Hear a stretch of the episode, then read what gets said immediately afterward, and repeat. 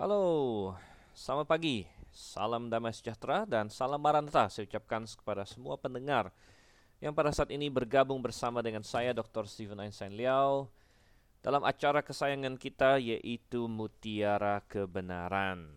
Dan para sahabat kebenaran sekalian, bagaimana kabar Anda pada hari ini? Saya kembali merekam sesi ini pada suatu pagi yang cukup cerah ya karena memang sudah bukan musim hujan lagi di Jakarta. Saya di bulan Juni saat ini sudah masuk ke musim panas dan walaupun ini tahun 2020 dan masih bergumul dunia dengan COVID-19 dengan pandemi ya. Saya tidak tahu Anda mendengar ini kapan. Moga-moga Anda mendengar ini uh, masalah COVID sudah selesai. Namun kalaupun belum, kita mengucap syukur seperti kita harus mengucap syukur setiap hari dan kita bersuka cita karena kondisi kita sama sekali tidak ada hubungannya dengan COVID, tidak ada hubungannya dengan dunia, dunia bisa bagaimanapun dan bukan berarti kita tidak terpengaruh dengan Tuhan, namun bagi setiap orang yang ada di dalam Tuhan, maka kita memiliki, kita berdiri di atas batu karang yang jauh lebih kokoh dari dunia ini. Dan kita mengharapkan sesuatu yang lebih dari sekedar, oh kapan pandemi akan selesai. Oh, kapan COVID akan selesai? Oh, kapan uh, masalah yang saya sedang hadapi ini, pergumulan yang saya sedang uh, sedang pergumulkan ini akan selesai? Tidak, pengharapan kita jauh lebih daripada itu. Memang kita bisa mengharapkan semua itu, namun saudara yang kasih Tuhan, kita mengharapkan suatu kota yang indah. Kita mengharapkan tubuh kemuliaan. Kita mengharapkan menghabiskan kemuliaan bersama dengan Tuhan, menghabiskan kekekalan bersama dengan juru selamat kita. Itu pengharapan kita, saudara kasih Tuhan. Bukan sekedar kapan pandemi akan selesai, bukan sekedar kapan saya bisa sembuh dari sakit saya sekarang, bukan sekedar uh, kapan saya mendapatkan promosi atau lain sebagainya. Yang semuanya baik-baik saja, saudara kasih Tuhan. Namun, bukan itu sumber sukacita dan pengharapan kita yang sesungguhnya. Dan kita mengharapkan, mengharapkan sungguh sesuai dengan janji Tuhan, suatu dunia yang baru, langit baru dan bumi baru. Dan Anda mungkin bertanya, tahu dari mana? Kenapa Anda bisa punya pengharapan yang begitu luar biasa, begitu aneh, begitu begitu indah? Ada apa pengharapan dasar pengharapan Anda? Dasar pengharapan saya adalah firman Tuhan karena saya percaya firman Tuhan itu benar seluruhnya dan oleh sebab itulah kita mau belajar firman Tuhan saudara Tuhan. Firman Tuhan memiliki banyak sekali aspek ada pengajaran, ada pengharapan, ada teguran, ada prinsip-prinsip. Oleh karena itu kita perlu mempelajari firman Tuhan secara sistematis. Dan itu yang kita lakukan dalam acara Mutiara Kebenaran. Kita masuk dari perjanjian lama Mengapa perjanjian lama? Ya karena perjanjian baru sudah dibahas dalam acara Through the Bible ya. Perjanjian baru memang sangat penting juga, bahkan mungkin lebih uh, lebih langsung dapat diaplikasikan kepada kita. Tapi bukan berarti perjanjian lama tidak bisa diaplikasikan Saudara. Seperti yang sudah kita lihat, banyak sekali prinsip dan pengajaran dalam perjanjian lama yang sangat penting bagi kita hari ini. Ya, namun kita uh, dua-duanya kita perlukan. Perjanjian baru kita perlukan, perjanjian lama kita perlukan. Bahkan sering kali kita kita membahas mutiara kebenaran kita banyak membuka perjanjian baru. Dan kalau kita membahas perjanjian baru kita bisa banyak membuka perjanjian lama, Saudara, karena keduanya adalah satu satu satu uh, komplit ya, satu set yang perlu dipelajari bersama-sama. Oke. Okay. Langsung saja kita masuk, kita buka Alkitab. Saya harap Anda punya Alkitab bersama dengan Anda dan kita akan membuka dalam ulangan pasalnya yang ke-25 hari ini. Ulangan pasal 25 ada 19 ayat tidak terlalu panjang dan kita akan menghabiskan 40 menit sampai 60 menit ya, maksimum satu jam kira-kira. Kalau materi tidak terlalu banyak, nanti saya tidak tahu berapa panjang waktu kita butuhkan untuk membahas ini. Kalau Biasanya, biasanya minimum kita 40-an menit lah begitu ya. Um, namun kita lihat ya kadang-kadang ada yang pendek sekali. Kalau terlalu pendek biasa kita gabungkan dengan pasal selanjutnya. Oke, dan kita mulai membaca tapi sebelum kita mulai membaca kita akan berdoa terlebih dahulu. Mari kita bersatu di dalam doa. Bapak yang di surga, Bapak yang kami kasihi di dalam Yesus Kristus. Karena kami mengenal Engkau melalui Sang Putra yang memperkenalkan kami, yang menuntun kami, yang menjadi jalan bagi kami kepada Engkau. Tuhan pencipta langit dan bumi, Tuhan yang berkuasa atas segala sesuatu yang berdaulat, Tuhan yang bersemayam di atas tahta yang kudus. Tuhan, dalam situasi dunia yang semakin kacau ini, baik itu secara fisik, baik itu secara moral, baik itu secara rohani terutama Tuhan, Engkau yang Engkau yang tahu bahwa dunia ini semakin lama semakin siap kepada kehancuran, namun kami sebagai orang percaya tetap tetap memiliki damai sejahtera karena kami memiliki jaminan, kami memiliki keyakinan di dalam Engkau. Tuhan, tolonglah supaya kami semakin dekat kepadamu dengan cara kami semakin mengenal Engkau dan ini ingin kami lakukan dengan mempelajari firman-Mu pada pada hari ini dan Engkau yang menolong kiranya menerangi hati dan pikiran kami Tuhan. Kami berdoa di dalam nama Yesus Kristus. Amin. Ulangan pasal yang ke-25 Saudara kasih Tuhan dan di dalam pasal ini ada sejumlah uh, hukum, sejumlah aturan yang Tuhan berikan kepada manusia. Tujuannya adalah untuk macam-macam, uh, untuk melindungi orang-orang yang tak bersalah, untuk menghukum kejahatan dan lain sebagainya. Kita baca saja mulai dari ayat 1 sampai ayat 3 terlebih dahulu. Apabila ada perselisihan di antara beberapa orang, lalu mereka pergi ke pengadilan dan mereka diadili dengan dinyatakannya siapa yang benar dan siapa yang salah maka jika orang yang bersalah itu layak dipukul, haruslah hakim menyuruh dia meniarap dan menyuruh orang memukuli dia di depannya dengan sejumlah dera setimpa deng setimpal dengan kesalahannya. 40 kali orang itu uh, 40 kali harus orang itu dipukuli, jangan lebih supaya jangan saudaramu menjadi rendah di matamu apabila ia dipukul lebih banyak lagi. Oke, sangat menarik sekali ada satu peraturan di sini mengenai salah satu bentuk hukuman yang bisa dilaksanakan di Israel terlebih dahulu yaitu hukum uh, pukul atau atau didera begitu ya dan dipukul di sini tentu bukan pakai tonjok atau lain sebagainya tapi diasumsikan memakai mungkin tongkat atau cambuk begitu. Jadi uh, apabila ada perselisihan katanya begini ya. Jadi uh, kalau seseorang berbuat kesalahan dan kesalahan itu tidak setimpal dengan hukuman mati. Jadi ada kesalahan-kesalahan yang setimpal dengan hukuman mati, misalnya membunuh orang, menculik orang, ya, memperkosa seseorang wanita dan lain sebagainya.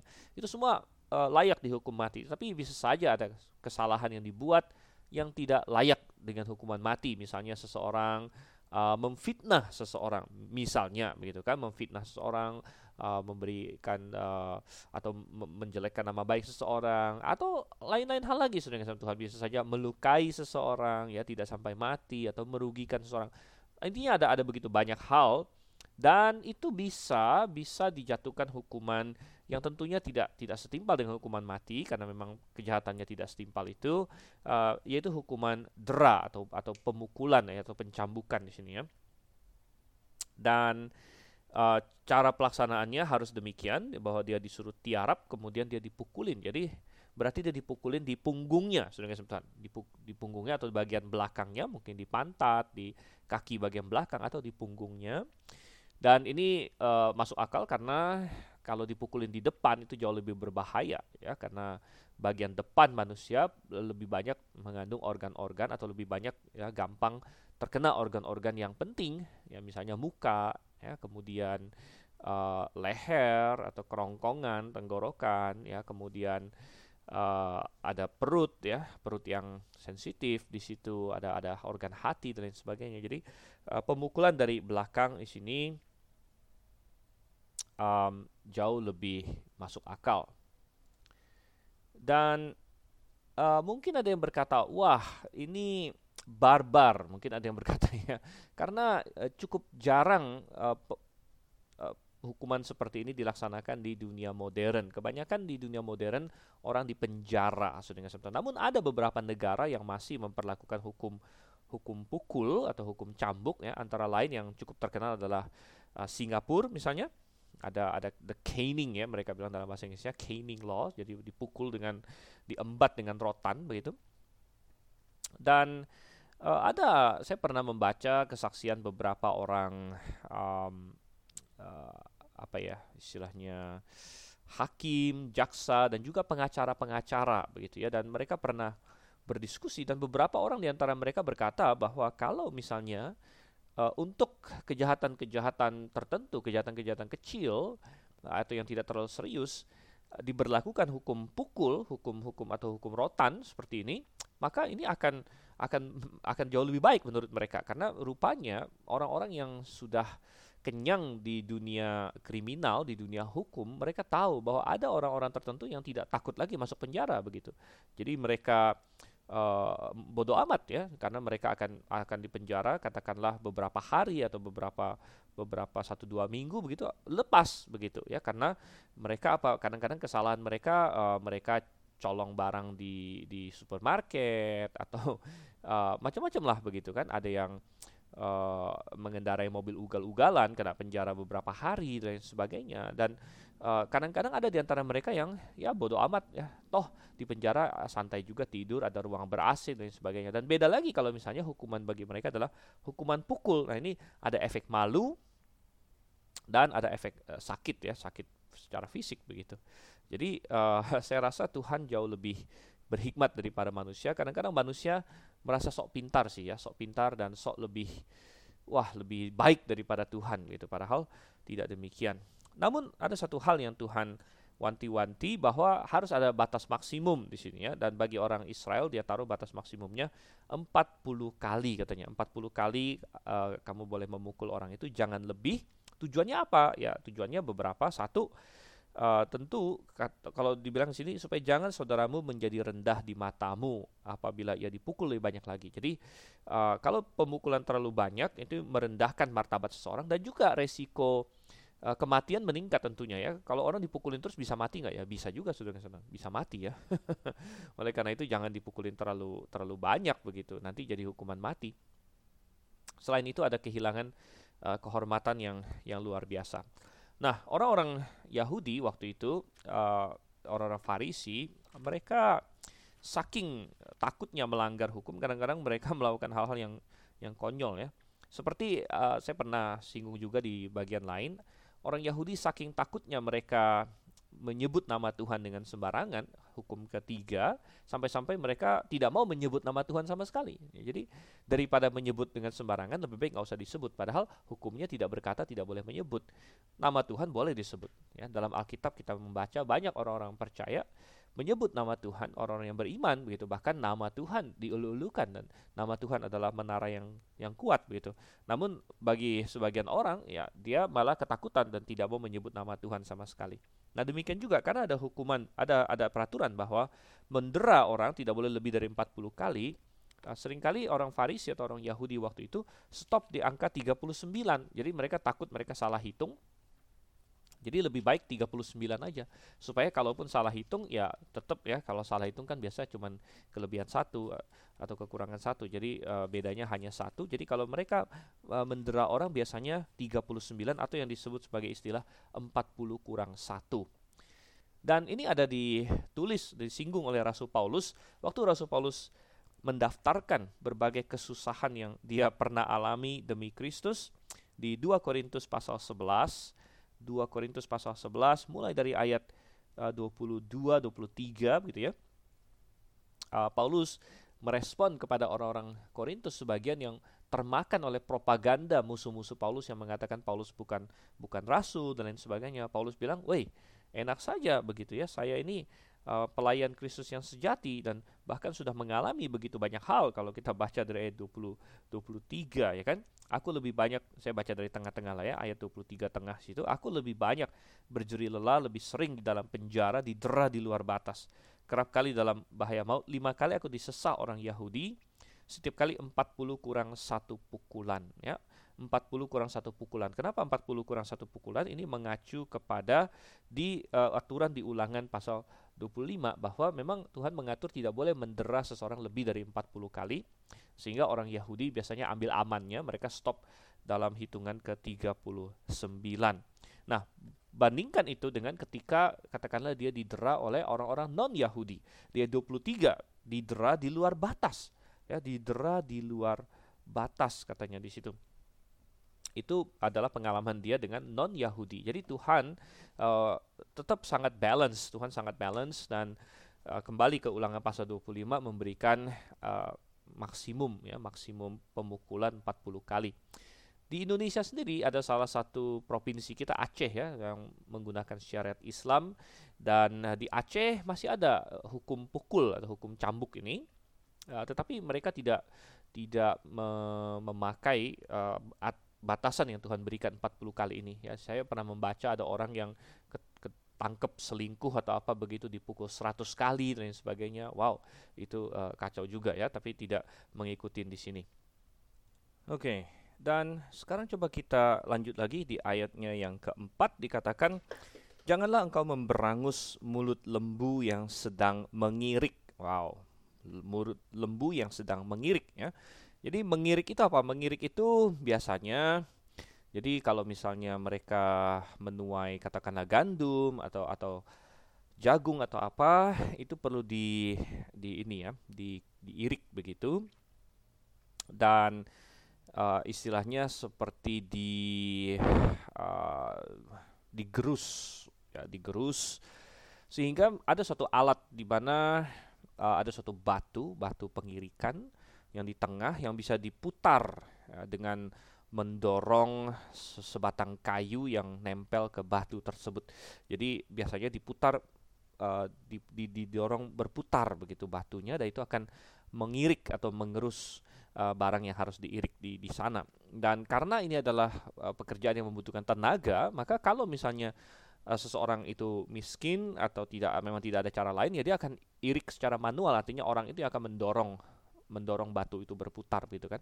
Namun kalau orang memiliki lembu atau binatang lain, ya tentu dia bisa mempekerjakan lembunya itu, biarlah lembunya itu yang uh, berjalan mengirik keliling-keliling uh, batu itu, mengirik batu itu.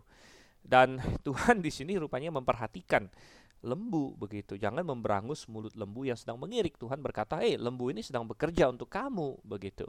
Jadi kalau misalnya sambil dia mengirik lalu dia makan sedikit-sedikit yang keluar di situ, jangan kamu marahin, jangan kamu tutup mulutnya, dia sedang bekerja untuk kamu. Jadi Tuhan memang sangat peduli bahkan tentang binatang sekalipun kita sudah membaca itu di pasal-pasal sebelumnya Tuhan peduli tentang burung bahkan misalnya Tuhan ada aturan di pasal-pasal sebelumnya bahwa kalau ket kamu ketemu sarang burung ada mama burung ada ada uh, maksudnya burung betina dengan anak-anaknya ya.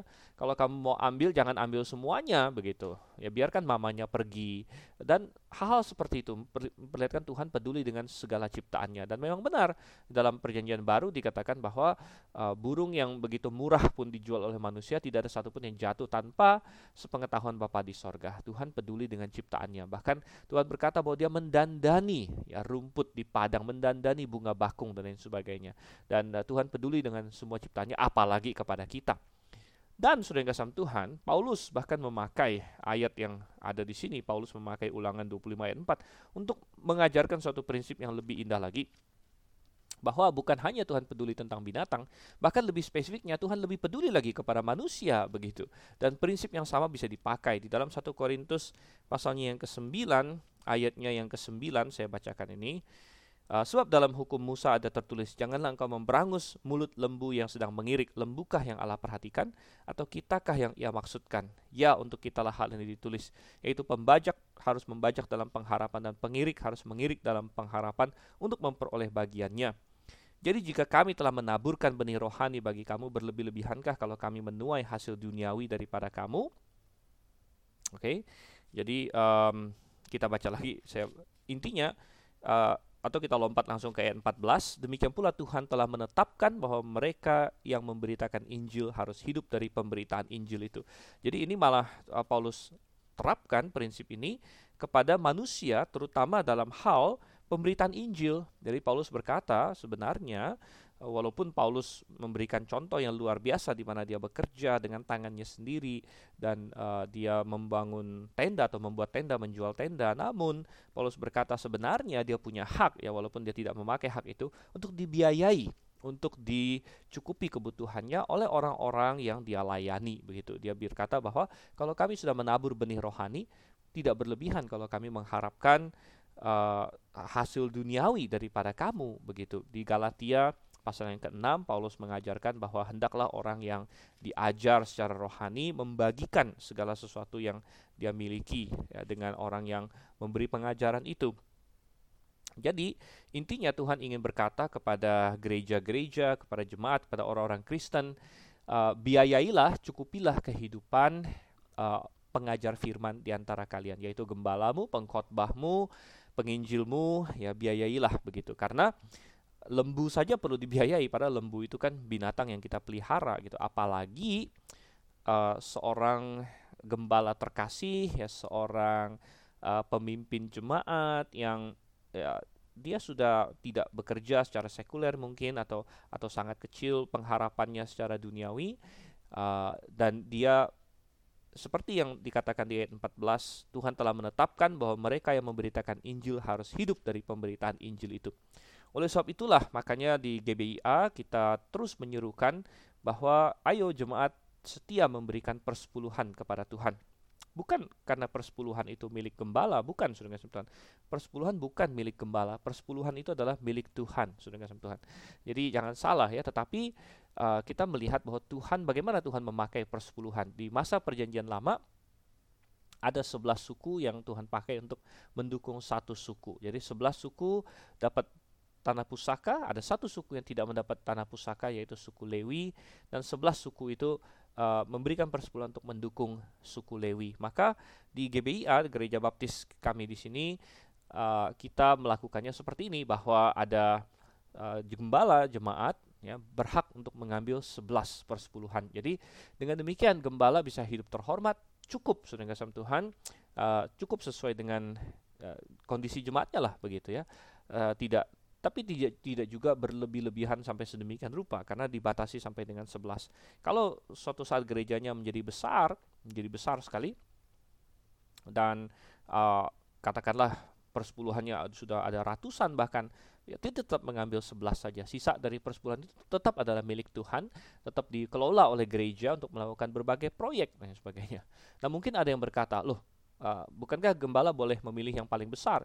Ya, itu adalah hak dia, begitu. Um, uh, berarti dia uh, mengambil sepersepuluh dari orang yang sangat kaya begitu. Dan berarti orang yang sangat kaya itu melaksanakan apa yang dilakukan di Galatia pasal 6 di Galatia pasal 6 di mana dikatakan bahwa hendaklah orang yang menerima pengajaran dalam firman membagi segala sesuatu yang ada padanya dengan yang memberi pengajaran itu. Dan kebetulan dia membagi sepersepuluhnya. Saya rasa tidak perlu ada orang yang iri gitu bahwa gembala sidangnya uh, katakanlah berkecukupan atau memiliki uang sedikit lebih ya. Toh uh, orang yang menjadi hamba Tuhan mestinya bukanlah untuk menjadi kaya raya begitu. Oke jadi kita melihat di sini uh, penerapannya sangat luar biasa di dalam perjanjian baru. Kita kembali ke ulangan pasalnya yang ke-25 kita baca ayat yang kelima sampai dengan ayat yang ke-10 sekarang. Ayat 5 sampai ayat 10 Apabila orang-orang yang bersaudara tinggal bersama-sama dan seorang daripada mereka mati dengan tidak meninggalkan anak laki-laki, maka janganlah istri orang yang mati itu kawin dengan orang di luar lingkungan keluarganya. Saudara suaminya haruslah menghampiri dia dan mengambil dia menjadi istrinya dan dengan demikian melakukan kewajiban perkawinan ipar. Maka anak sulung yang nanti dilahirkan perempuan itu haruslah dianggap sebagai anak saudara yang sudah mati itu, supaya nama itu jangan terhapus dari antara orang Israel. Tetapi jika orang itu tidak suka mengambil istri saudaranya, maka haruslah istri saudaranya itu pergi ke pintu gerbang, menghadap para tua-tua serta berkata, "Iparku menolak menegakkan nama saudaranya di antara orang Israel. Ia tidak mau melakukan kewajiban perkawinan ipar dengan aku." Demikian, eh, kemudian para tua-tua kotanya haruslah memanggil orang itu dan berbicara dengan dia. Jika ia tetap berpendirian dengan mengatakan aku tidak suka mengambil dia sebagai istri, maka haruslah istri saudaranya itu datang kepadanya di hadapan para tua-tua, menanggalkan kasut orang itu dari kakinya, meludahi mukanya sambil menyatakan, beginilah harus dilakukan kepada orang yang tidak mau membangun keturunan saudaranya. Dan di antara orang Israel namanya haruslah disebut kaum yang kasutnya ditanggalkan orang.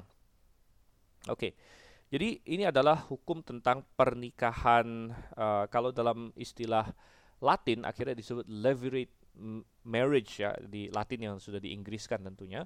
Levirate marriage artinya pernikahan ipar gitu, pernikahan ipar dan ini mengatur bahwa ketika seorang wanita menikah dengan seorang laki-laki, dia kan sudah menjadi bagian dari keluarga laki-laki tersebut. Nah, andai kata uh, kemudian suaminya meninggal dan dia menjadi janda, sedangkan dia belum punya anak, maka status wanita ini menjadi tanda tanya sebenarnya, begitu. Menjadi tanda tanya. Beda lagi kalau dia sudah punya anak, ya kalau dia sudah punya anak berarti uh, anaknya itu ya, entah itu satu, entah itu banyak, ya anaknya itu sudah meneruskan nama bapaknya, begitu. Dan ingat bahwa pada masa itu masyarakat bersifat agraris. Jadi setiap-tiap orang memiliki tanah, begitu kan? Ketika seorang wanita menikah dengan seorang laki-laki, uh, dia masuk ke tanah laki-laki tersebut begitu dan uh, tanah yang dimiliki laki-laki tersebut menjadi milik dia juga karena dia istrinya begitu kan nah ketika suaminya mati nah kalau dia punya anak berarti anaknya itu anak laki-lakinya itu mewarisi tanah bapaknya yang sudah meninggal itu. Dan si wanita ini juga bisa bisa berharap ya dan dan bisa bergantung kepada anaknya yang ya entah walaupun masih kecil sekalipun suatu hari anaknya akan tumbuh besar gitu kan. Akan tumbuh besar dan akan uh, mengurus ibunya dan lain sebagainya dan dia sudah punya punya uh, keturunan punya nama di situ. Namun kalau misalnya dia tidak punya anak, nah ini menjadi tanda tanya ya wanita ini harus bagaimana? Kalau wanita ini akhirnya menikah dengan orang lain, status tanahnya ini bagaimana begitu? Status tanahnya ini bagaimana? Um, Apalagi kalau dia menikah dengan orang non Israel misalnya atau dia pokoknya dia menikah dengan orang lain. Nah, untuk menghindari masalah ini dan juga supaya orang yang mati itu, laki-laki yang mati suaminya itu tidak hilang begitu saja dari catatan gitu kan. Maka Tuhan uh, memberikan aturan seperti ini. Ini ini yang disebut sebagai levirate marriage atau pernikahan ipar. Dan uh, salah satu contoh aturan ini dipraktekkan dengan demikian indah adalah di kitab Rut di kitab Rut ya. Jadi di kitab Rut ada seorang namanya Elimelek yang punya dua orang anak laki-laki yaitu Mahlon dan Kilion itu. Dan kemudian Mahlon menikah dengan seorang wanita namanya Ruth. Uh, Mahlon Kilion mati, Elimelek mati. Dan uh, akhirnya uh, singkat cerita Ruth kembali ke Bethlehem bersama dengan Naomi begitu. Ya, tapi akhirnya Ruth mendapatkan uh, pernikahan levirate ini ya. Dan menariknya pernikahan ini, pernikahan levirate ini adalah pernikahan yang di mana yang yang perempuan lah yang bisa mengambil inisiatif untuk meminta saudaranya menikah dengan dia begitu. Jadi kalau wanita ini tidak mau mempergunakan haknya juga tidak bisa dipaksa sebenarnya begitu. Jadi wanita ini bisa saja dia mau tetap janda dan lain sebagainya tapi dia punya hak istilahnya. Dia punya hak dan dia bisa meminta hak tersebut. Uh, makanya itu yang dilakukan oleh Ruth uh, dan Naomi ngajarin dia bahwa malam-malam dia datang ke uh, tempat pengirikannya Boas, kemudian dengan kata-kata dia berkata, uh, aku ini kaum yang lemah dan engkau adalah kaum penebus uh, dan istilahnya uh, bentangkanlah ya sayapmu, kainmu kepadaku begitu. Jadi um, di sini pihak wanita yang yang bisa mengambil inisiatif untuk berkata, aku punya hak untuk dinikahi gitu. Dan aku mau mau mempergunakan hak tersebut gitu. Jadi cukup lucu ya. Biasanya laki-laki yang uh, berinisiatif tapi di sini yang perempuan yang yang berinisiatif bisa.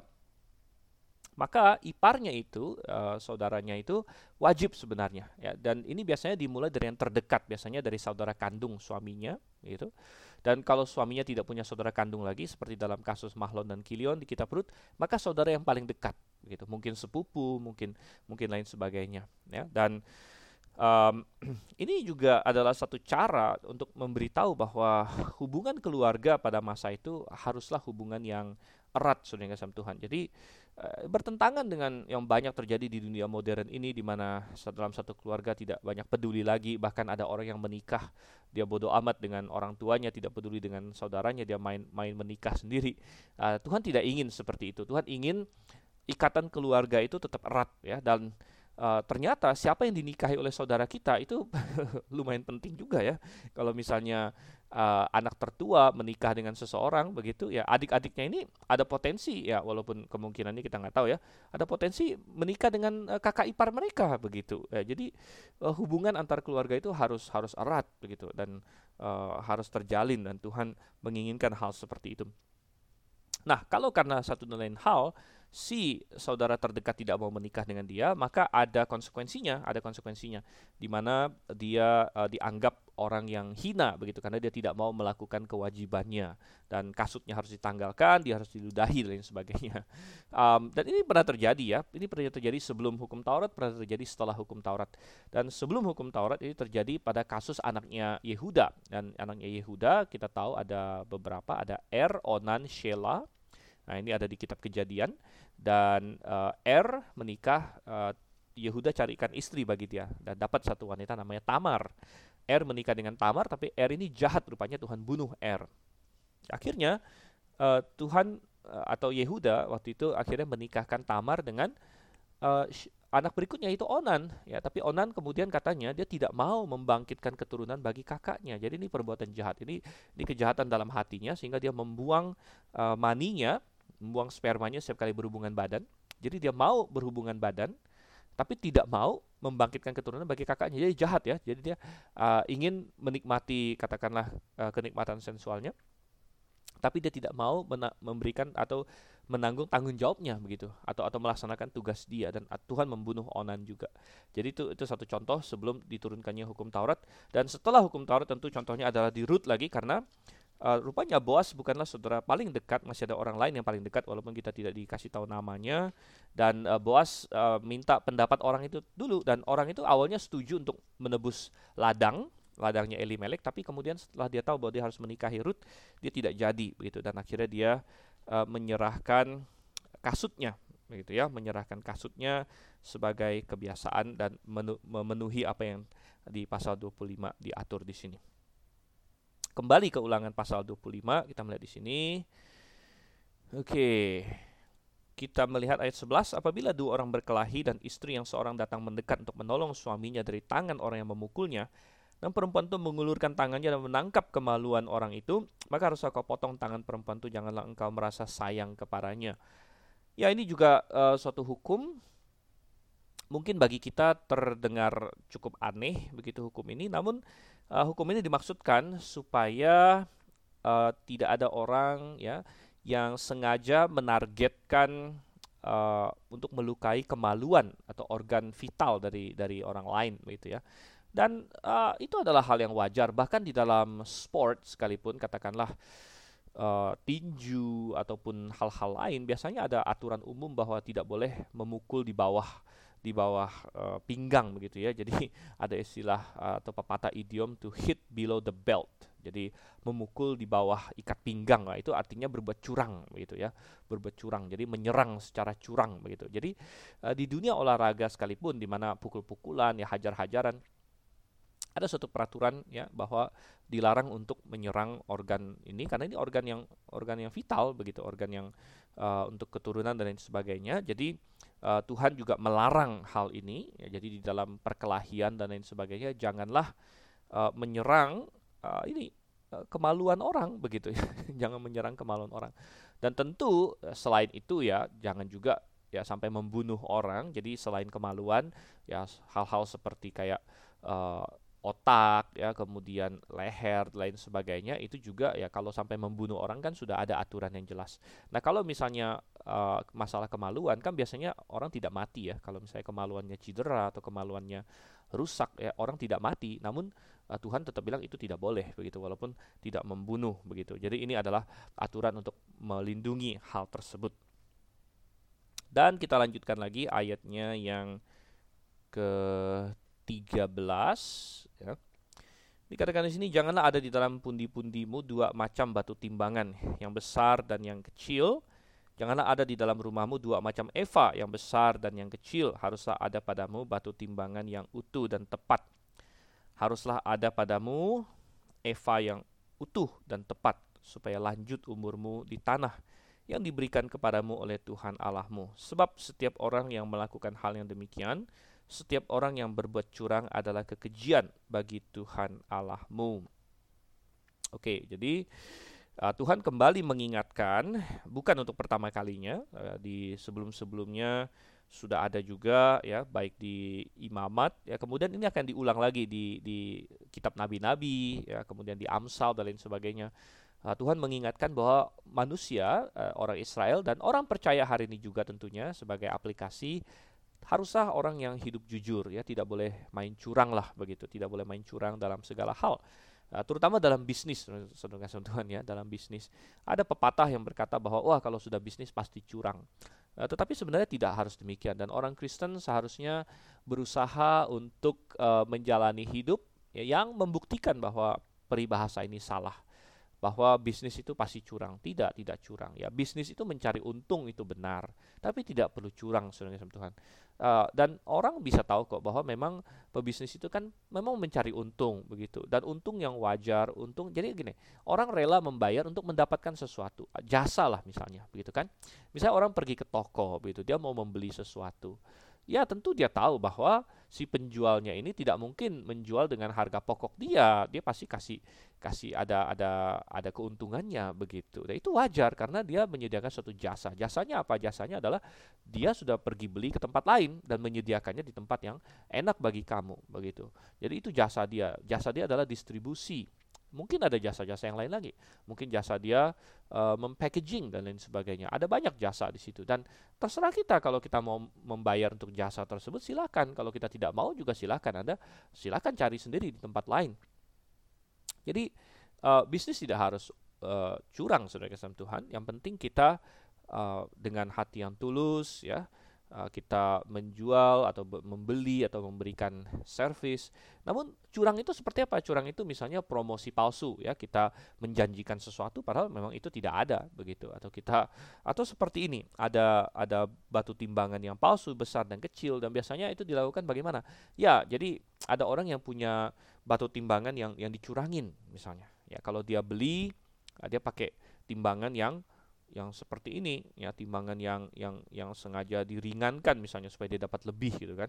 Lalu kalau dia menjual dia sengaja memakai batu timbangan yang uh, diberatkan atau lain sebagainya. Ya intinya uh, dia dia main curang lah. Ya kalau misalnya orang jual kain dia pakai meteran yang uh, meteran yang yang kurang misalnya supaya dia dia jual ke orang orang beli satu meter dapatnya 95 cm misalnya karena karena meterannya nggak benar gitu.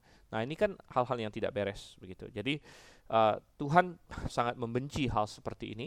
Jangan ada kecurangan pada kita, jangan ada tipu muslihat pada diri kita. Itu yang Tuhan tekankan, itu yang Tuhan inginkan. Baik, kemudian bagian terakhir dari pasal ini dari ayat 17 sampai dengan ayat yang ke-19 ya. Saya bacakan, ingatlah apa yang dilakukan orang Amalek kepadamu waktu pada waktu perjalananmu keluar dari Mesir, bahwa engkau didatangi mereka di jalan dan semua orang lemah pada barisan belakangmu dihantam mereka, sedang engkau lelah dan lesu, mereka tidak takut akan Allah. Maka apabila Tuhan Allahmu sudah mengaruniakan keamanan kepadamu daripada segala musuhmu di sekeliling, di negeri yang diberikan Tuhan Allahmu kepadamu untuk dimiliki sebagai milik pusaka, maka harus engkau menghapuskan ingatan kepada Amalek dari kolong langit. Janganlah lupa. Oke, jadi ini mengenai Amalek. Dan Amalek itu apa sih, saudara? Amalek itu nama suatu suatu bangsa, suatu suku. Dan rupanya Amalek ini adalah keturunannya Esau, saudara kasih Tuhan. Kalau kita baca kembali di Kejadian pasal 36, Kejadian 36 ayat 12. Jadi Timna adalah gundik Elifas anak Esau yang melahirkan Amalek bagi Elifas. Jadi Amalek adalah nama salah satu dari cucunya Esau. Dan kita tahu Esau itu adalah saudara kembarnya saudara kembarnya Yakub begitu ya dan sering kali dalam beberapa katakanlah pelajaran rohani kita sering berkata bahwa Esau atau Edom itu melambangkan uh, kedagingan kita, kedagingan kita ya. Dan demikian juga Amalek sebenarnya karena Amalek kan keturunannya Esau, bahkan Amalek adalah keturunan Esau yang paling agresif, paling banyak berperang melawan Israel. Dan um, Tuhan bilang sama Musa dan Musa bilang kepada orang Israel sebelum mereka masuk Kanaan, ingatlah apa yang dilakukan orang Amalek, orang Amalek kepadamu. Dan ini dicatat di dalam Keluaran, Saudara, Keluaran pasal 17 dan itu terjadi di suatu tempat yang namanya Refidim Coba kita lihat keluaran pasalnya yang ke-17 di Rafidim ya bahasa Indonesianya. Ah, mulai dari ayat 8 datanglah orang Amalek berperang melawan orang Israel di Rafidim dan mereka langsung menghantam barisan belakang Israel yang yang lemah begitu. Dan waktu itu terjadi peperangan dan ini adalah peperangan yang sangat unik. Peperangan di mana uh, Musa pergi naik ke atas gunung dan Yosua yang berperang. Dan setiap kali kita membaca bahwa Musa mengangkat tangannya Israel menang begitu. Setiap kali tangan Musa capek dia turunkan. Amalek yang mulai menang. Sampai akhirnya uh, Harun dan Hur kita baca ya menopang tangan Musa begitu supaya supaya menang terus. Dan Atas tindakan ini Tuhan uh, berjanji bahkan di Keluaran 17 bahwa uh, Tuhan berperang melawan Amalek turun temurun itu di 17 ayat 16 di Keluaran 17 ayat 16 gitu kan. Dan di ayat 14 Tuhan berkata, "Ingatkanlah ke telinga Yosua, aku akan menghapuskan sama sekali ingatan kepada Amalek dari kolong langit." Ya, dan um, ini digenapi di, di kitab Samuel, Tuhan memerintahkan Saul untuk melenyapkan Amalek sama sekali. Dan Saul ternyata tidak tidak taat sama Tuhan ya, dia tidak tidak benar-benar menghancurkan Amalek sama sekali. Dan ada banyak yang berhasil lolos walaupun uh, Saul tidak mengakuinya. Dan Tuhan sangat marah dan itu menjadi pemicu Tuhan berkata aku menolak Saul. Begitu aku menolak Saul. Dan mulai saat itu Tuhan akhirnya menyuruh Samuel untuk mengurapi Daud sebagai raja pengganti Saul. Dan Saul waktu itu penuh dengan alasan ya. Dia bilang, "Oh, saya tidak hancurkan semua karena domba-domba ini bisa menjadi um, persembahan untuk Tuhan." Dan Tuhan berkata melalui Samuel waktu itu, "Yang mana yang Tuhan lebih inginkan?" Mendengarkan ataukah persembahan? Ya, mendengarkan lebih baik karena pemberontakan itu seperti dosa uh, sihir atau bertenung Tuhan bilang, pendurhakaan gitu ya. Oke, jadi um, Amalek ya, Amalek dan tadi kita bilang ada sebagian orang mencoba untuk melihat suatu pelajaran rohani juga di sini. Karena Amalek dianggap sebagai simbol dari kedagingan bahwa uh, selama kita hidup di dunia ini kita masih akan bertempur terus dengan daging kita yang lama, daging sifat-sifat daging kita. Jadi pertempuran ini tidak ada tidak ada hentinya, tidak akan ada habis-habisnya sudah sama Tuhan. Uh, dan itu Tuhan berperang melawan Amalek turun temurun. Namun Tuhan berjanji akan menghilangkan ingatan terhadap Amalek. Itu berarti bahwa suatu ketika nanti kita akan mendapatkan kemenangan final, yaitu pada saat kebangkitan kita, pada saat tubuh kita diubah, ya tubuh jasmani kita yang lama ini entah entah mati atau di dalam rapture ini adalah pengharapan kita yang indah bahwa kita akan diangkat bersama dengan Tuhan dan yang yang fana ini sebagaimana Paulus katakan akan mengenakan yang tidak fana dan yang dapat binasa akan mengenakan yang tidak dapat binasa. Dan uh, tubuh kita akan dimuliakan. Pada waktu itulah ya ingatan terhadap Amalek ya yang yang kita uh, katakan bisa jadi uh, melambangkan kedagingan kita, ingatannya akan akan dilenyapkan dan uh, kita tidak akan tubuh kita tidak akan lagi menggoda kita untuk berdosa begitu. Dan ini yang sering kali ditanyakan sama orang, uh, orang berkata, bukankah di sorga kita masih punya kendak bebas? Apakah di sorga kita masih bisa berdosa? Dan saya berkata bahwa memang kita masih punya kendak bebas, namun di sorga nanti kita tidak akan berdosa lagi. Mengapa? Karena tidak ada lagi yang yang ini. Kita sudah lulus ujian nomor satu, ya, karena kita sudah mempunyai pengetahuan yang baik dan jahat, kita sudah pernah tahu tentang dosa, dan kemudian tidak ada lagi yang menggoda kita, ya, yaitu Uh, kalau di dunia ini kan ada dunia, ada iblis, ada ada daging kita. Nah, daging kita sudah diubah, iblis tidak ada di sorga dan dunia juga uh, semuanya baik di sorga, ya tidak ada dunia lagi, sudah menjadi sorga begitu kan? Jadi kita tidak akan berbuat dosa lagi walaupun kita memiliki kehendak bebas di sorga nanti. Oke, jadi uh, sangat indah pelajaran yang kita dapatkan pada hari ini.